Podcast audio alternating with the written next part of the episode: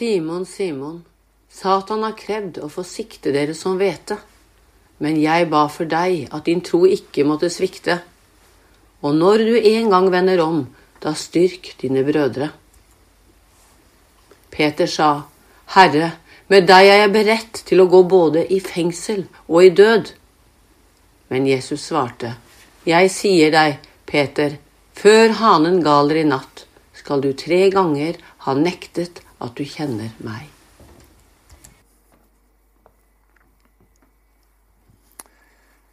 Det er eh, teksten for i dag. Den står i Lukas 22, 31-34. Det er egentlig en dramatisk tekst. Her får disiplene høre av Jesus at Satan har gjort krav på dem, og de skal siktes som hvete. Og da er det at eh, Jesus må jo si det til disiplene at de er forberedt. For det er dette som vil vente dem. Og da skjønner vi at dette er jo særdeles dramatisk. Jeg syns det ligner litt på den beretningen når Jobb i Det gamle testamentet blir hardt prøvet. For det er det disiplene nå skal. De skal virkelig bli prøvet i forhold til det de står for. Hva betyr det å sikte noe som hvete? Og Da må jeg bare si det at eh, dere kjenner meg såpass godt at eh, jeg er ikke noe praktisk. Så jeg måtte slå opp i et leksikon hva det betyr at noe blir siktet som hvete. Og Da skal du få høre hvordan det ble forklart i den sammenhengen. Uttrykket brukes som hvete, spelt og rug, som males og deretter siktes, slik at skall og kime blir skilt fra resten av melet. Melet er malt fint og selges som siktet hvetemel, siktet speltmel eller siktet rugmel. Og da skjønner vi når noe blir sikta, da er det virkelig eh, essensen, kjernen, som kommer fram. Alt det andre som har med skall og andre ting, det blir tatt til side. Og så er man tilbake med det virkelige, virkelige melet. Det står faktisk talt om at eh, troen vår blir prøvet. Eh, det var en periode for noen år siden hvor eh, man fikk høre at blir du bare en kristen da, seiler du på en medgangsbølge. Det er nesten som å, å, å, å reise på businessklasse til himmelen hvis man blir en kristen. Men jeg har opplevd det er ikke tilfellet. Det er like utfordrende å være en kristen som det å være ikke en kristen. For vi opplever det samme, for vi er mennesker her på jorden. Og i 1. Peter 1,7 der står det noe interessant. Der står det om vår prøvede tro, som er mer dyrebar enn forgjengelig gull. Altså, Gull er jo noe av det mest verdifulle som finnes. Men den prøvede troen er mer verdifull enn gull som er lutret gjennom ild. Og da skjønner vi eh, for å rense gullet for slagg og ting som ikke skal være det, så er det en kraftig renselsesprosess. Varmen må til, og så blir det veldig godt resultat. Men troen vår kan være på samme måte dersom prøvet gull renset i ild. Det som jeg syns er veldig interessant med den teksten som vi leste, det er at Jesus vet hva som skal skje før det skjer. For når Jesus sier dette til Peter, så sier han det at eh, 'Jeg ba for deg'. Er ikke det interessant? Han sier rett og slett 'Peter, jeg ber for deg'. Det er det første som skjer. Før det andre kommer, så sier Jesus 'Peter, jeg ber for deg'. Jesus han ba ikke at Peter ikke skulle falle. Nei. Jeg ba for deg at du ikke skulle falle. Nei, det var ikke det han ba om. Men han ba for Peter at hans tro ikke skulle svikte. Og det er noe annet. For vi kan alle falle. Og jeg syns det var en dramatisk og rørende og sterkt å høre det som Kristin sa. Egil Svartdal har sagt noe slik som dette.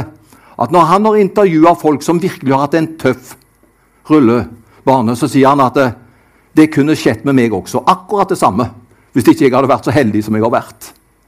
Men jeg har stoff i meg, sier Egil Svartdal, så jeg kunne opplevd akkurat det samme som de som han har intervjuet. Og det opplever vel noen hver av oss. At det er Guds nåde og Guds hjelp som har styrket oss og hjulpet oss. Men å falle, det er helt normalt, det. Og Jeg vil gjerne møte et menneske som ikke på en eller annen måte gjennom livet sitt har falt på et eller annet. Og Derfor ber ikke Jesus at han ikke skal falle. Nei, for det kommer til å skje. Men han ber at ikke troen måtte svikte. For vi kan alle falle, men da er det viktig å reise seg igjen.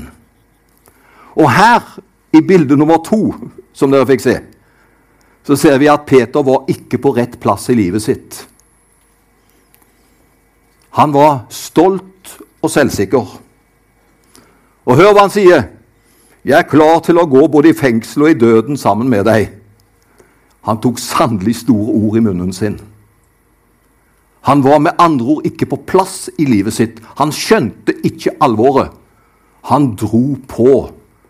Og det er jo så menneskelig å ta store ord i sin munn. Men Jesus lot seg ikke imponere over Peters veldige ord. For du vet, Noen ganger kan vi bli imponert når vi hører store ord. Jesus skjærer igjennom. Han ble ikke imponert av det som Peter sa. For Jesus svarer, 'I dag, Peter, skal du fornekte meg tre ganger før hanen galer.' Men Jesus gir oss alltid nye muligheter. Og hør hva Jesus sier til Peter etter han har sagt det. At uh, du skal fornekte meg tre ganger før hanen galer. Men så sier han det. Han sier ikke 'hvis du omvender deg'. For da kunne jo vært det mulig for at det ikke skjedde, men han sier 'når du omvender deg'. Så Jesus han visste på dette tidspunktet at det, det er ikke ferdig med Peter, selv om han skulle falle. Han vil reise seg igjen. Og Derfor sier han ikke 'hvis du omvender deg', men han sier 'når du omvender deg'. Da gå og styrk dine brødre. Her er det et lys av håp. Og Jesus starter med å si 'Jeg ber for deg, Peter', at troen din ikke skal svikte. Og jeg er veldig glad for den beste forbederen jeg har. Den har du også. Den beste forbederen vi kan ha, det er, er, at det er Jesus som ber for oss. Og så sier han til Peter før det skjer, men Peter, husk det, jeg ber for deg. Og Det skal du ta med deg også etter gudstjenesten i dag.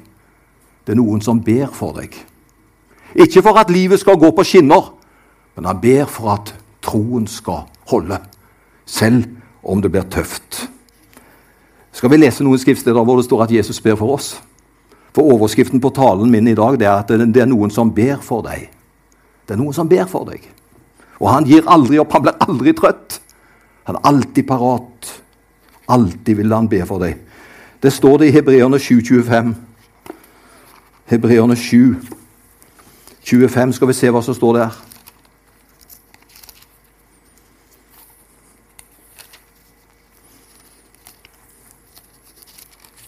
7.25. Derfor har han også makt til fullkomment å frelse dem som kommer til Gud ved ham, eftersom han alltid lever for å gå i forbønn for dem.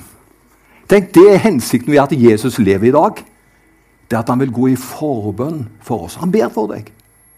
Ja, men da har du vel en større sjanse, da har du ikke det? Jo, selvfølgelig. Det er en som ber for deg. Tenk om Jesus hadde sittet ved siden av meg der inne i den sofaen. Og så hadde Jesus sagt at 'Sten, nå skal jeg be for deg.' Og så la han armen rundt meg. Og så begynte han å be. 'Kjære Jesus' Han sa jo ikke 'Kjære Jesus', han. Men han ville sagt 'Gud i himmelen', ville han sagt. 'Nå skal du velsigne Sten. Jeg vet at du alltid er hos han. Møt han nå. Styrk han nå. Men vet du hva? Det hadde vært fryktelig sterkt for oss hvis vi hadde sittet ved siden av hvor Jesus ba for oss. Det er like sterkt at han ber for oss fra himmelen. Det er ikke noe svakere, det. Tenk for deg, Like sterk som han sitter ved siden av deg i sofaen. Så er han nær deg, for han ber for deg. Nå ber han ifra himmelen. Og i Romerne 8, vers 34, så står det også at han går i forbønn for oss. Så du har én sånn en bønnepartner så du ikke er klar over hvor fantastisk han er. Skal bare høre hva som står i Romerne 8, 34 rart med oss predikanter og hvem som helst vi kan få snakke oss. ikke sant? Med innøvd formuleringer. Men her står det 'Hvem er den som fordømmer?' Det er Kristus som døde. Ja, mer enn det. Han er også oppstått. Han sitter også ved Guds høyre hånd. Og så er det som det går fra høyde til høyde, og så står det slutt. Og han går også i forbønn for oss. Ikke det utrolig? Han som døde, som sto opp som far opp til himmelen, som sitter ved Guds høyre hånd. Om ikke det er nok, så har han pøser han på med en ting til. Som går i forbønn for oss. Det er Jesus, det. Og hvis du vil ha enda en bønnepartner, så står det i samme kapittel, Roman 8. Der står det at Ånden går i forbønn for oss med usigelige sukk. For vi vet ikke alltid hva vi skal be om, men Ånden, som kjenner oss, han vet hva vi trenger. Og så går han i forbønn for oss. Så Jesus ber for deg. Den hellige ånd ber for deg. Det er noen som ber for oss. Nå skal jeg komme med en, eh, en sånn en personlig eh, situasjon. Det er ikke alltid natta er like god. Kanskje det er flere som kan oppleve det at natta noen ganger kan være litt mørk. Og jeg skal si når, når natta er verst for meg. Og nå må ikke dere tro at natta er trøbbel for meg, altså, for det er ikke, men det er da den er. Når det er noe. Det er faktisk talt mellom klokka ett og klokka fire om natta. Da syns jeg Om jeg skal våkne det tidspunktet, da er det mørkest. For da er liksom dagen for lengst. For da har du lagt deg klokka ett om natta. Da er du sein, ikke sant? Og så er det et tidspunkt da til klokka fire om morgenen hvor det er liksom så stille. Det er virkelig natt. Den syns jeg kan være tøff, det tidspunktet der. Men kvart over fire nå skal du høre noe interessant, kvart over fire, da kommer det en bil kjørende. Og den stopper opp. Og så går han ut, og så hører jeg det slamre i postkassene. Vet du hva? Han er fantastisk, han som kommer hver morgen. Hva kommer han med? Han kommer med posten. Han kommer med avisene. Og vet du, hva Jeg vet når bilen stopper, og så kjører han av gårde i mellomtiden, så har jo disse postkassene gitt lyd fra seg. Da vet jeg nå er det snart slutt på natta. Nå kommer det en ny dag. Tenk du, så når du opplever avisbudet eller noe andre kommer tidlig på morgenen, så skal du glede deg. Vet du hva avisbudet forteller? Det kommer en dag. Og avisbudet forteller det har vært noen som har jobba på natta, og som er forberedt for det som skal komme etterpå. Avisbudet for meg er en gledesspreder. Så hvis du treffer en avisbud så sier at han pastoren i han si at avisbudet det er gledesspredere. For når de kommer om morgenen, så forteller de nå er det en dag på gang. Bibelen sier at Jesus ber for oss. Han er i aksjon både dag og natt. Og i dag kan jeg få være ditt avisbud. Kan jeg få lov til det? Å være ditt avisbud i dag. Og fortelle at han vil gi deg en ny dag. Jeg tror ikke at det, det stopper bare skal være et tidspunkt mellom 01 og 04 på døgnet. Det kommer en ny dag. Og så kan jeg få være det avisbudet for deg i formiddag og fortelle. Selvfølgelig. Det er en ny dag på gang. En dag full av nåde og godhet. Og det er dette vi også forteller om i advent. ikke sant? Det er jo klart at det, Vi har feira advent så mange ganger, men vi vet det er noe sterkt symbolsk i det. For det kommer en jul. Det kommer et fokus på Han som kom til vår jord. Som er vår redningsmann, og som er vår frelser. Og så skal vi ta med oss det at det er noen som ber for oss. Jesus ber for oss. Så har jeg bare lyst til å si også Det er mange her i kirka også som ber for deg. Vi har en bønnetjeneste her i menigheten som vi på en måte får se mer og mer inn i. Og her er det mange i vår kirke som ber for deg. Er det noen som sliter, som er blitt syk eller hva som helst? Det skal ikke gå lang tid før det går til de som har en bønnetjeneste. Og så ber de for deg. Og hvis vi ikke vet om det, så fortell det. Så vil det gå videre. Tenk du at det, det er mennesker her som tror på forbønn. Og det er mange som har fått opplevd hjelp. Det hørte vi forrige søndag. Gjesten vår da, som opplevde hvilken styrke det var. Han visste det var noen som ba for dem. Det er noen i vår menighet som ber for deg. Og i tillegg så ber Den hellige ånd, og så ber Jesus. Skal vi takke ham for det? Så kom han med en ny dag. Avisbudet er på plass. vet du, Forteller det er en ny dag. Det er nye muligheter. Det er ny velsignelse for oss alle. La oss ta imot det. Herre, vi takker deg for din nåde, for din godhet. Takk at eh, det ble en ny dag for Peter også. Det så veldig mørkt ut en periode, men takk at du visste at han kom til å omvende seg og reise seg igjen. Og så tok du imot han, og så fikk han være kar til din ære. Takk at du hjelper oss alle, at vi kan få være dine ambassadører der du har satt oss. I Jesu Kristi navn. Amen.